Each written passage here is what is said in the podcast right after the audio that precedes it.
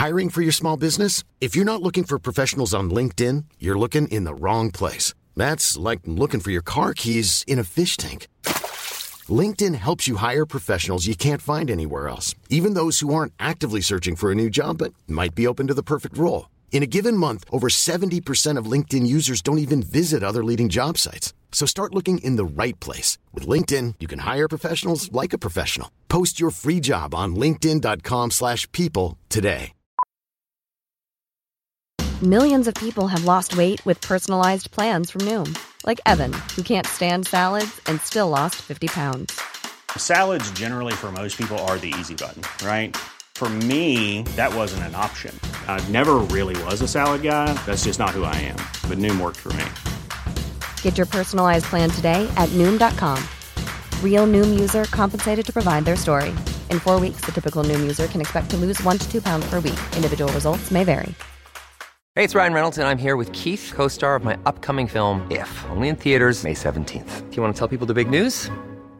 All right, I'll do it. Sign up now and you'll get unlimited for $15 a month in six months of Paramount Plus Essential Plan on us. Mintmobile.com slash switch. Upfront payment of $45 equivalent to $15 per month. Unlimited over 40 gigabytes per month. Face lower speeds. Videos at 480p. Active Mint customers by 531.24 get six months of Paramount Plus Essential Plan. Auto renews after six months. Offer ends May 31st, 2024. Separate Paramount Plus registration required. Terms and conditions apply if rated PG. Helt siden de første menneskene slo seg ned i Trøndelag, har det blitt observert underlige lys over Hessdalen. Fenomenet har blitt forsøkt bortforklart som syner sett av bygdetullinger og deliriske hallusinasjoner forårsaket av den lokale drikkekulturen. Men det skulle vise seg at fenomenet stakk langt dypere, når Hessdalen-fenomenet fikk verdensomspennende oppmerksomhet i ufo-miljøet på 1980-tallet. Fenomenet er fremdeles der, og det er fremdeles like uforklarlig som den gang. I 2024 kommer en podkastserie i seks deler, produsert av Project Hessdalen, som kanskje en gang for alle skal finne svar på hva som rører seg på himmelen i denne bortgjemte dalen i Trøndelag.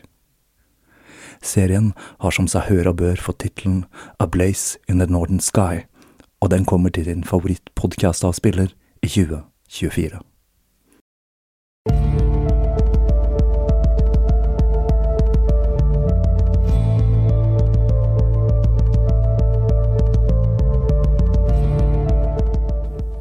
Hei og velkommen til Tåkeprat. Jeg heter Even, og når jeg tar opp denne episode 173, er det onsdag den 27. oktober 2021. Som jeg sa i forrige episode, så begynte det å rykke litt hjemsøkingsfoten igjen, og det gjorde at jeg begynte å bla litt i biblioteket her for å forsøke å finne en historie som kunne egne seg for podcasting. Og da snublet jeg over den beryktede historien kjent som Amherst-mysteriet og det er nok en av de mest spektakulære poltergeist-historiene som finnes der ute. På mange måter er denne fortellingen en slags blanding av den aller første tåkepratepisoden, Demonbesettelse, og episode sju og åtte, Bell-familiens forbannelse. Det føles ganske godt å ha denne historien til gode etter å ha gitt ut 172 episoder, og atter en gang så er jeg glad for at jeg bestemte meg for å skyte bredt fremfor å drive med en segmentert podkast, for nå blir det nesten litt som å starte på ny igjen, og jeg får litt den samme viben som jeg hadde når jeg fordypet meg i Ed og Lorraine Warren. Det var skuespilleren Walter Hubble som var spesielt interessert i det overnaturlige som gjorde denne fortellingen kjent. I 1879 ga han ut en bok som beskrev det han hadde opplevd i Amherst og i selskapet til Esther Cox, jenta som var fokuset til de demoniske kreftene i denne historien. For det er jo ofte slik at poltergeist-fenomener oppstår rundt unge jenter, og da ofte jenter i puberteten. I så måte så skiller denne historien seg litt ut, for Ester hun var 19 år når det hele begynte.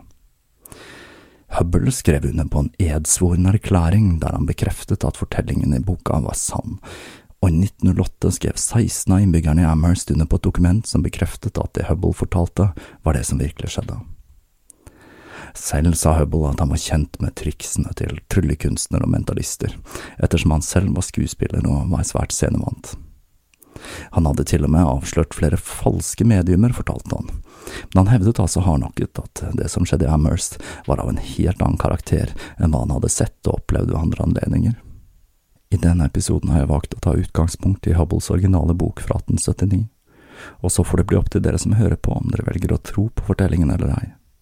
Men én ting er sikkert, og det er at denne historien er en som utmerker seg som en særs interessant beretning om det store ukjente som venter like bakenom vår verden, og om skyggevesener som kun venter på en anledning til å livnære seg på energien til intetanende dødelige.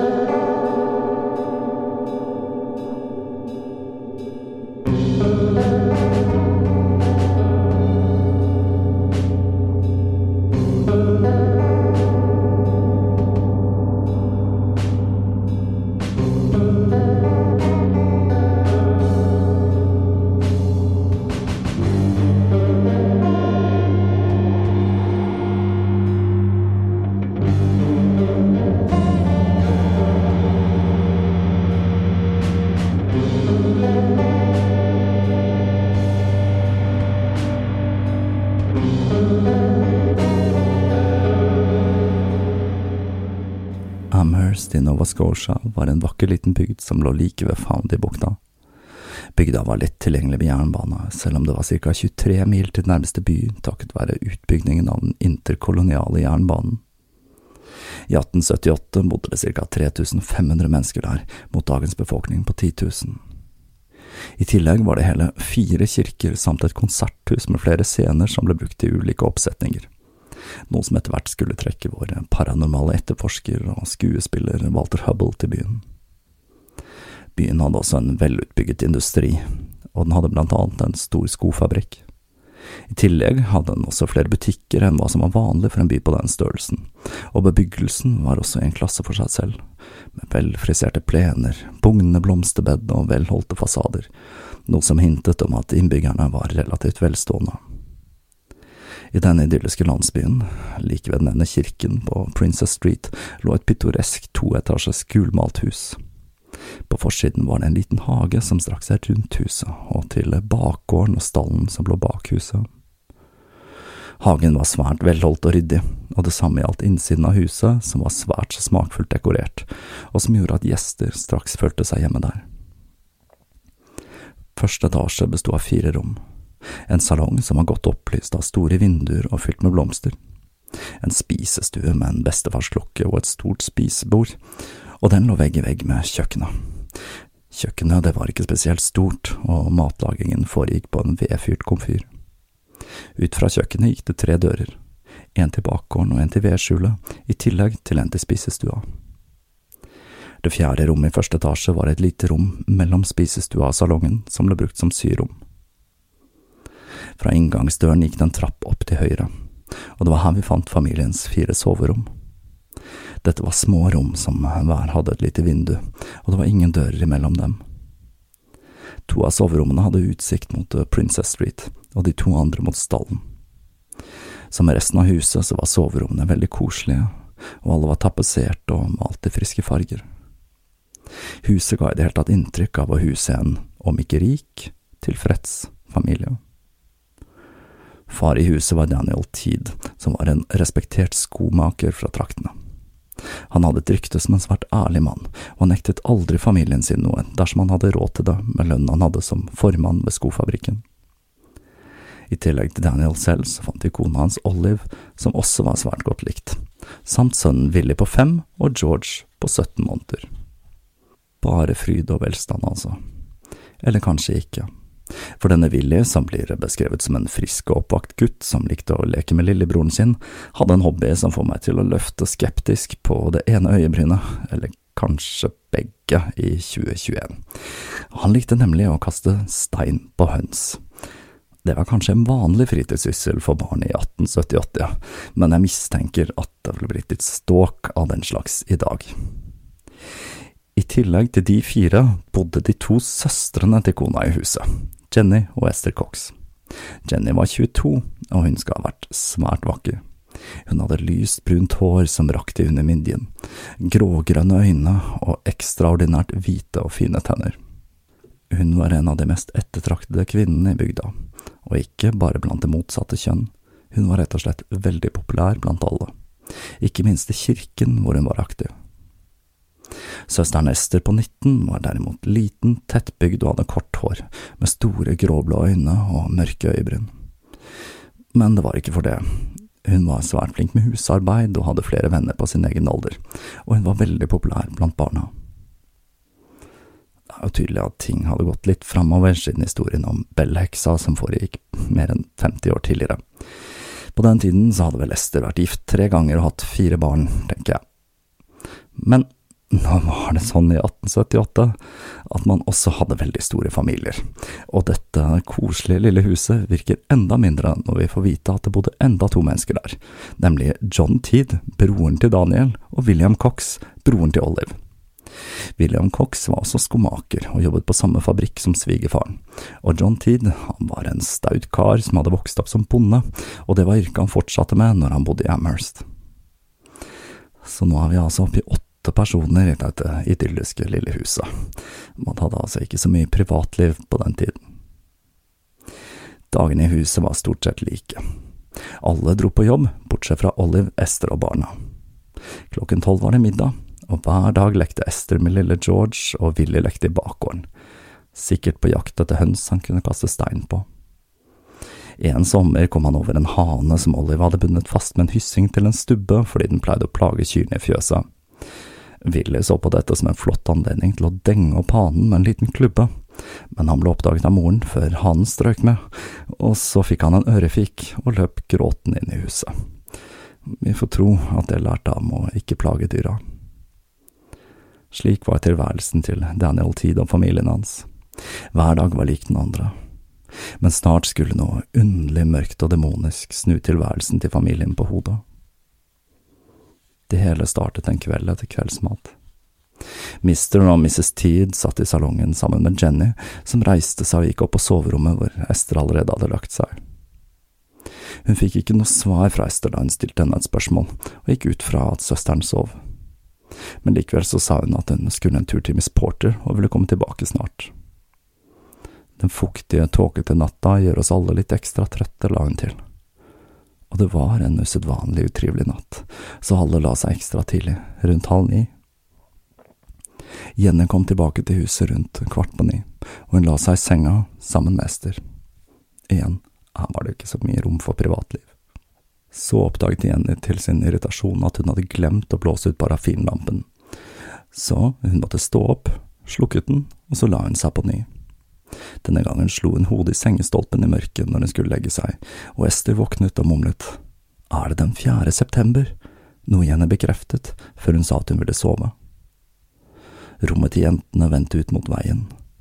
Det lå ved siden av rommet til Mr. og Mrs. Teed og barna deres, som hadde vinduet rett over inngangsdøren.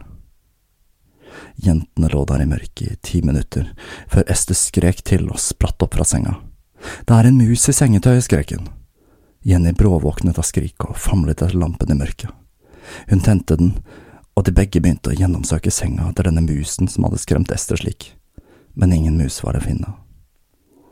Jenny bemerket at det var tåpelig at de to skulle være redde for en liten mus, og sa at den kanskje hadde rømt inn i madrassen. Se, sa hun, det er noe som rører seg inni madrassen. Nå kan vi like så godt legge oss igjen, den har gått seg vill, og det er ingenting å være redd for. De to jentene la seg igjen og etter å ha hørt på romsteringen i madrassen en stund, så sovnet de begge to. Den neste natten hørte de igjen noe romstere, denne gangen under senga, og Ester sa, Åh, det er den musa igjen, la oss stå opp og drepe den, jeg har ikke lyst til å bekymre meg over en mus hver eneste natt. De sto opp, tente lampen og så seg rundt. Da hørte de litt rasling i en liten eske som lå under senga. De dro den fram og plasserte den i midten av rommet og så skjedde noe aldeles forunderlig. Esken hoppet opp fra banken, som rykket opp av en usynlig hånd, før den datt ned igjen og vippet over på siden som om den hadde blitt dyttet. Jentene trodde ikke sine egne øyne. Jenny plasserte esken i midten av rommet på ny, og akkurat det samme skjedde igjen. Begge jentene var nå livredde, og de ropte på Daniel, som kastet på seg noen klær og kom løpende inn i rommet for å finne ut hva som var galt. Når de forklarte hva som hadde skjedd, så begynte han bare å le og etter å ha sett på esken og satt den på plass under senga, så sa han at de måtte ha drømt, før han begynte å mumle surt om hvordan de hadde vekket ham midt på natta, og så gikk han tilbake til sengs. Den neste morgenen forsøkte jentene å overbevise familien om at det de hadde fortalt, faktisk hadde skjedd, men det fikk lite gehør for at esken hadde flyttet på seg av seg selv, og de går snart opp. Etter frokost tok den vanlige rutinen over. De som hadde arbeid, dro på jobb, og det inkluderte Jenny, som jobbet som skredder, og Mrs. Tid, Ester og guttene ble igjen i huset. Etter middag satt Mrs. Tid seg til å sy i salongen mens Ester gikk en tur. En lett bris blåste inn fra havet. Det var en sval og behagelig bris. Men Amherst var plaget av støv når vinden blåste i den retningen, noe som gjorde det ubehagelig å være ute, så Ester bestemte seg for å gå hjem igjen etter hun hadde vært en tur innom bokhandelen et ærend. Etter kveldsmaten den dagen satt Ester seg på trappa utenfor huset og så månen stå opp. Det var en nydelig, månelys natt. Etter hun hadde sittet der en stund, klaget hun over at det føltes som om hun hadde litt feber, og Mrs. Teed rådet henne til å gå og legge seg. Ester la seg halv åtte, og Jenny fulgte etter cirka klokka ti.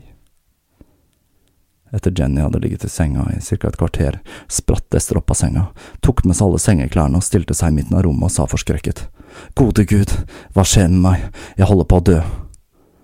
Jenny, som regnet med at søsteren hadde hatt mareritt, gikk ut av senga og tente lampen. Når hun så søsteren i lyset fra lykteskjæret, ble hun redd.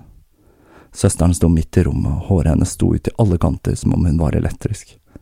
Ansiktet var blodrødt, og øynene så ut som om de var i ferd med å sprette ut av hodet. Hun klamret seg til en stol med et så kraftig grep at neglene hennes begravet seg i det myke treverket mens hun dirret av skrekk. Jenny, som selv ble redd av synet av søsteren, ropte om hjelp, og det var Mrs. Teed som først kom inn i rommet, fulgt av Daniel, William og John. Daniel spurte om hva som skjedde, mens William og John, som hadde fått øye på Ester, utbrøt. Hun er blitt gal. Mrs. Teed visste ikke hva hun skulle si. Alle sto og stirret på jenta uten å vite hva de skulle gjøre.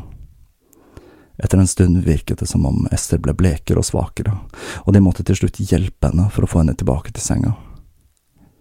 Hun satt der og hang med hodet en stund, før hun igjen spratt opp og skrek, det kjennes ut som jeg er i ferd med å sprenges i stykker. Milla, sa Miss Tid, hva skal vi gjøre, hun er blitt gal.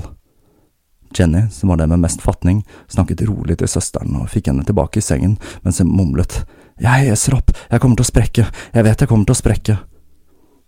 Daniel så på henne og sa forskrekket, men se, jenta eser faktisk, Olive, se hendene hennes har svulmet opp. Kjenn på henne, hun brenner opp av feber. Familien kunne ikke gjøre annet enn å se på mens hele kroppen til Ester svulmet opp og hun skrek i smerte og gnisset tenner. Plutselig hørte de et drønn i rommet, et drønn ikke ulikt torden. Alle sto musestille, som paralyserte. Det var Mrs. Teed som var den første.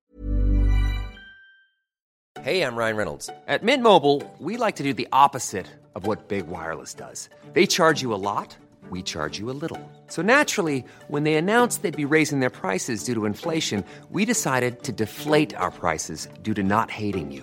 That's right. We're cutting the price of Mint Unlimited from $30 a month to just $15 a month. Give it a try at mintmobile.com slash switch. $45 upfront for three months plus taxes and fees. Promote for new customers for limited time. Unlimited more than 40 gigabytes per month. Slows. Full terms at mintmobile.com.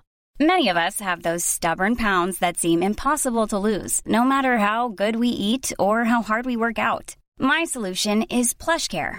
PlushCare is a leading telehealth provider with doctors who are there for you day and night to partner with you in your weight loss journey. They can prescribe FDA-approved weight loss medications like Wagovi and Zepbound for those who qualify. Plus, they accept most insurance plans. To get started, visit plushcare.com slash weight loss. That's plushcare.com slash weight loss. som sa noe. Vi er truffet av lynet, skrekken, barna mine, før hun løp ut av rommet for å se til guttene. Ektemannen fulgte like etter sammen med William og John, mens Jenny ble igjen hos søsteren. Når de kom inn på rommet til barna, oppdaget de at guttene lå og sov som vanlig, og de undret seg over hva som kunne ha laget den voldsomme lyden mens de gikk stille tilbake til rommet til Ester. Mrs. Teed løftet på gardinene for å se om den skremmende lyden kunne ha kommet fra utsiden, men alt hun kunne se var en stjerneklar himmel, det var ikke en sky i sikte, så de følte seg ganske sikre på at det ikke kunne ha vært torden de hadde hørt. Like etter hun hadde sluppet gardinene, hørte de alle tre et lurveleven under senga. Bråket var så voldsomt at det fikk hele rommet til å riste, og Ester, som for bare et øyeblikk siden hadde vært oppsvulmet og i sterke smerter, så plutselig helt normal ut igjen, og hun sovnet. Så snart de hadde forsikret seg om at jenta faktisk sov og ikke var død, gikk de alle tilbake til sengs. Men Jenny, som lå ved siden av Ester, fikk ikke sove mer den natta etter alt som hadde hendt.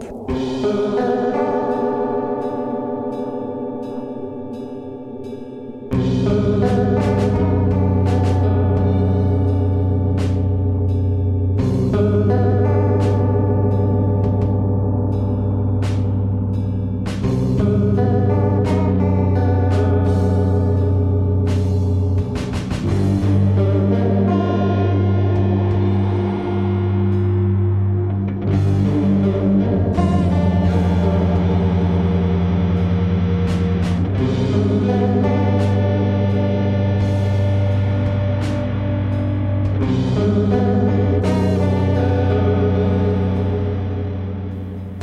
dagen sov Ester helt til klokka ni.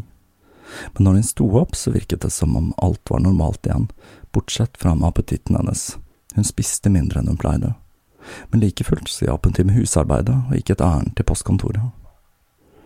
Etter kveldsmaten den dagen begynte de å diskutere de underlige lydene de hadde hørt natten før, men ingen hadde en god forklaring. De ble enige om at dette var alvorlig, og at de burde holde det hemmelig, og verken fortelle naboer eller venner om hendelsen. De visste at ingen kom til å tro på dem, uansett. Fire netter senere skulle det samme skje igjen. Lydene var tilbake, og Ester fikk et lignende anfall som sist. Denne gangen skjedde det like før Ester skulle legge seg klokka ti, og Jenny klarte å overbevise henne om at det var best om hun bare forsøkte å ligge stille og puste rolig. Jentene lå der på senga, og i en liten stund virket det som om Jennys plan virket, for lydene uteble. Plutselig var det som en usynlig hånd rev vekk sengetøyet, bortsett fra lakenet de lå på. De kunne se pledd og puter sveve gjennom luften før det havnet i en haug i det ene hjørnet. Jentene skrek, og Jenny besvimte. Igjen kom familien stormende inn i rommet. De kunne se alt sengetøyet liggende i hjørnet. Ester, som igjen hadde svulmet opp i senga, og Jenny, som var bevisstløs. I lyset fra parafinlampen så så hun død ut, og Daniel holdt en hånd mot pannen hennes for å sjekke at hun var i live. Mrs. Teed var den første som kom seg etter sjokket. Hun plukket opp sengeklærne og dekket til jentene. Men idet hun hadde gjort det, så ble de dratt av på samme måte som tidligere og havnet igjen i det samme hjørnet i rommet. Lå, eh, Ester lå på, ble nå rykket løs av en usynlig kraft og slengt i ansiktet på John Teed, som ble rasende og marsjerte ut av rommet mens han brølte. Nå er det nok. De andre hjalp til med å legge sengeklærne over jentene igjen, og de måtte sitte på dem for å sørge for at de ikke fløy av gårde på ny. Jentene kom tilbake til bevissthet, og William gikk ned til kjøkkenet for å hente en bøtte vann til Ester, som klaget over at hodet dunket med en forferdelig smerte og varme. Da han kom opp igjen, begynte lydene på ny, og denne gangen hørtes det ut som om de kom fra selve senga jentene lå i, og igjen så var lydene så voldsomme at hele rommet ristet. På samme måte som sist, så ga lydene seg, og Ester så igjen normal ut før hun falt ned i en dyp søvn. Alle trakk seg tilbake til rommene sine men ingen fikk sove noe mer den natten. Den neste morgenen var jentene sterkt redusert, og spesielt Ester. De sto begge opp, men Ester var så utmattet at hun måtte legge seg på sofaen i salongen. Under frokosten ble familien enige om at det var på høy tid å ta kontakt med lege, så den ettermiddagen dro Daniel tidlig fra jobb for å snakke med familielegen, dr. Carright. Da Daniel fortalte om hendelsene, bare lo Carright. Han sa at han kunne komme den kvelden og bli til morgenen etter om de følte at det var nødvendig, men han understreket også at han trodde det hele bare var tøys, og at han regnet med at ingenting kom til å skje når han var der. Klokken ti den kvelden ankom dr. Carwright til det pittoreske gule huset i Princess Street, hvor han ønsket hele familien en hjertelig god kveld. Han gikk opp på rommet til Ester og Jenny, hvor han satte seg på en stol ved siden av senga. Han sjekket pulsen og tunga hennes, og sa at det virket som om hun led av nervøs opphisselse, og at det så ut til at han var blitt utsatt for en eller annen form for sjokk. Mens han fortalte dette, rykket puten bort fra under hodet til Ester og strakk seg ut i luften som om den ble holdt av en usynlig hånd før den skled tilbake under hodet hennes igjen. Så du det? utbrøt legen forskrekket. Det gjorde jeg, sa John Tid, og om det skjer igjen, så skal jeg holde fast i den. Rett etter han sa det, så skjedde det samme en gang til, og denne gangen holdt han fast i puta med begge hender. Som dere husker, så var John Teed en sterk bonde som var vant til å ta i et tak, men uansett hvor hardt han forsøkte å holde den igjen, så ble den dratt ut av hendene hans og havnet tilbake under hodet til Ester. Fantastisk, utbrøt dr. Carright og reiste seg, og like etter begynte bråket under senga som tidligere. Legen kikket under senga, men han kunne ikke forstå hva som lagde lydene. Han gikk bort til døra, og da fulgte lydene etter ham, og han kunne høre at de kom fra under gulvplankene. Like etter det ble sengeklærne rykket av igjen og havnet i det samme hjørnet av rommet som tidligere. Plutselig kunne alle høre en skrapelyd. Det hørtes ut som om noen skrapte i veggen med et metallredskap, og når de så i retningen av lyden, kunne de til sin forferdelse se at noe var skrevet der. På veggen, der det kun for noen øyeblikk siden hadde vært ingenting å se, var det nå skrevet noe. Det var risset dypt inn i veggen med noe som så ut til å være et sløvt redskap som en stor spiker. Bokstavene var ujevne, og de så ut til å være utformet med stor kraft. På veggen sto det Ester Cox, jeg skal drepe deg. Mens eh, dr. Carride sto i døråpningen og lurte på hva i himmelens navn som foregikk, falt et stort stykke gips ned fra veggen. Det snudde i luften like før det traff bakken og havnet foran føttene til Carride. Han visste ikke helt hva han skulle gjøre, så han plukket opp gipsen og satte seg i stolen, og med det begynte buldrelyden igjen. Hele rommet, inkludert stolen til legen, ristet av det voldsomme bråket. Ester lå vettskremt på senga mens det hele pågikk. I hele to timer fortsatte det, og når det endelig var over, så sovnet den stakkars jenta. Legen bestemte seg for å ikke gi henne noen medisiner den kvelden, og han sa at han skulle komme tilbake neste dag for å gi henne noe for å roe nervene hennes.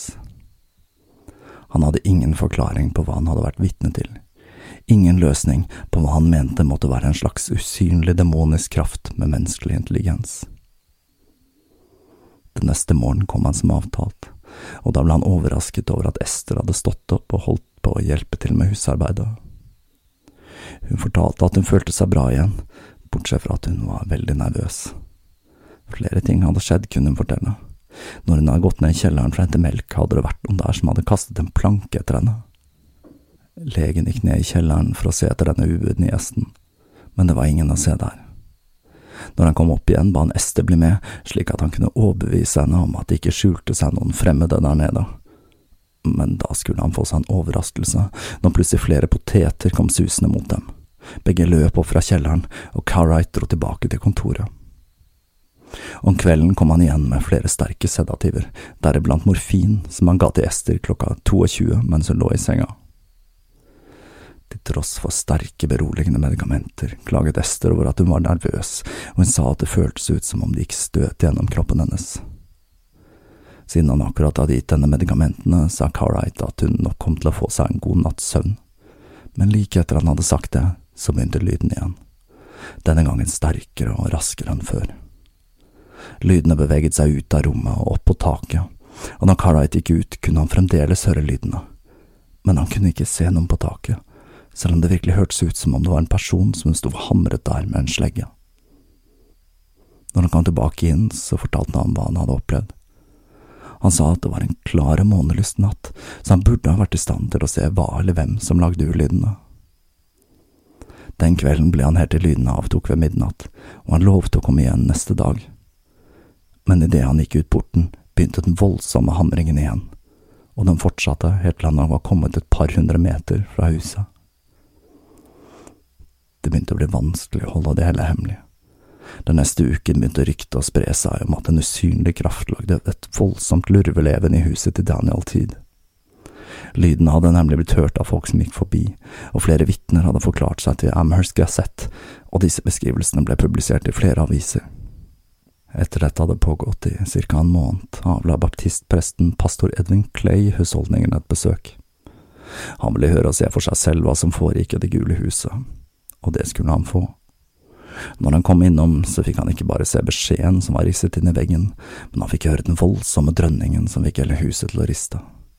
Edvin ble overbevist om at det ville vært umulig for familien, og for ikke å snakke om for Ester selv, å produsere lyden i huset. Siden han også var utdannet lege, så undersøkte han Ester, og han kom til samme konklusjonen som dr. Carright. Jenta hadde blitt utsatt for en form for sjokk. Han spekulerte i om hun kunne fungere som et slags batteri, og at lydene de hørte var en form for torden som ble utløst når hun ga fra seg elektrisitet. Nå må vi huske på at strøm var veldig spennende greier i 1878, og at dette foregikk flere tiår før Edison drepte en elefant med strøm på Coney Island for å vise hvor farlig denne vekselstrømmen Nicolai Tesla snakket så varmt om var. Det er for så vidt en veldig spennende historie i seg selv, men nå var det altså poltergeist og ikke elefanter det skal dreie seg om. Denne pastoren var så overbevist om at teorien om at Ester var et slags levende batteri stemte, at han holdt flere foredrag om dette, og han skulle forsvare Ester Cox fra prekestolen i årene som fulgte. Så skulle enda en pastor komme på besøk. Vi må huske på at det var hele fire kirker i Amherst. Dette var pastor R.A. Temple, som var presten i kirken Tid-familien pleide å frekventere. Han fikk også se og høre en rekke merkelige ting i huset, som en bøtte med kaldt vann som plutselig begynte å koke, tilsynelatende uten grunn. Når befolkningen i Amherst fikk vite at legen og de to prestene tok hendelsen i huset på alvor, begynte det å bli en attraksjon å dra på besøk dit. Folk flokket seg til for å oppleve fenomenet, og det dannet seg daglig en lang kø. Det ble faktisk så folksomt at politiet måtte trå til for å holde orden. Dr. Carright fortsatte å besøke familien, og han forsøkte å komme til bunns i mysteriet. Men hver gang han trodde han hadde løst det, så manifesterte det seg et nytt fenomen som sparket beina under den siste hypotesen hans, og til slutt så ga han opp og ble kun en tilskuer slik som de andre. Fenomenet fortsatte fram til desember, når Ester ble syk med difteri og ble sengeliggende i to uker. I denne perioden stoppet lydene, og når hun ble frisk, så dro han til søsteren sin i New Brunswick, og fenomenet, det fulgte ikke etter. Endelig hadde Ester fått fred. Eller hadde hun egentlig det?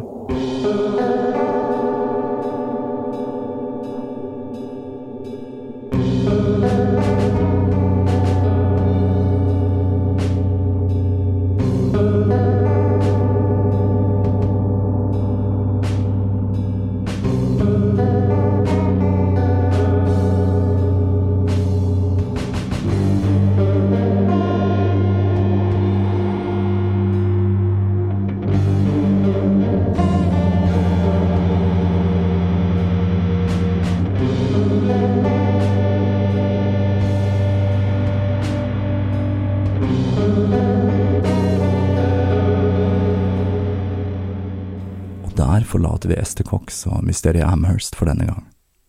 Som dere sikkert skjønner, så var dette bare begynnelsen for Esther, for fenomenet hadde knapt bare begynt å manifestere seg der vi forlater henne i denne delen. Det skulle bli verre, mye verre.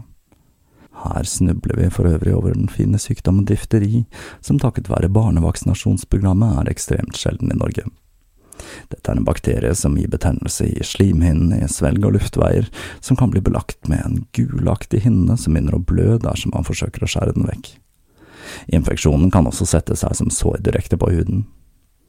Bakterien som forårsaker sykdommen, produserer et giftstoff som kan gi sykdom i hjerte og hjerne, og kan forårsake hjerte- eller hjernebetennelse. Et annet navn på denne sykdommen, som sist hadde et epidemisk utbrudd i Norge under andre verdenskrig, er krupp. Så der fikk jeg sneket inn litt sykdom også, gitt. Som jeg sa sist, så er det litt gøy å jobbe med denne typen litt mindre tema igjen, og jeg føler at det er nærmest nostalgisk å ta for meg poltergeist og demoniske krefter igjen, så nå gleder jeg meg til å gyve løs på den andre, og hva jeg tipper blir den siste delen i denne serien. Siden det er oktober og jeg er i prosessen med å gå til anskaffelse av litt ny merch fram mot jul, så bestemte jeg meg for å dra i gang et Sowin-salg i nettbutikken. Det varer fram til natt til 1. november, så nå har det muligheten til å hamstre litt merch og kanskje sikre deg noen julegaver til sterkt reduserte priser. Neste del i denne serien kommer forhåpentligvis den første uka i november. Jeg har litt mer podkastrelatert på programmet denne uka men hva det dreier seg om, det får jeg spare til en senere episode. Enn så lenge så vil jeg ønske dere alle en riktig god halloween, Samhain, allhelgensaften eller hvilket navn dere nå enn bruker på denne natten da portalen mellom verdenene er på sitt tynneste. Som vanlig vil jeg takke alle patrions, alle som har handlet i nettbutikken, alle som har donert, og ikke minst deg som hører på. Jeg håper fortellingen om Esther Cox har gitt dere litt inspirasjon til helgens feiring. Vi høres igjen om ikke lenge.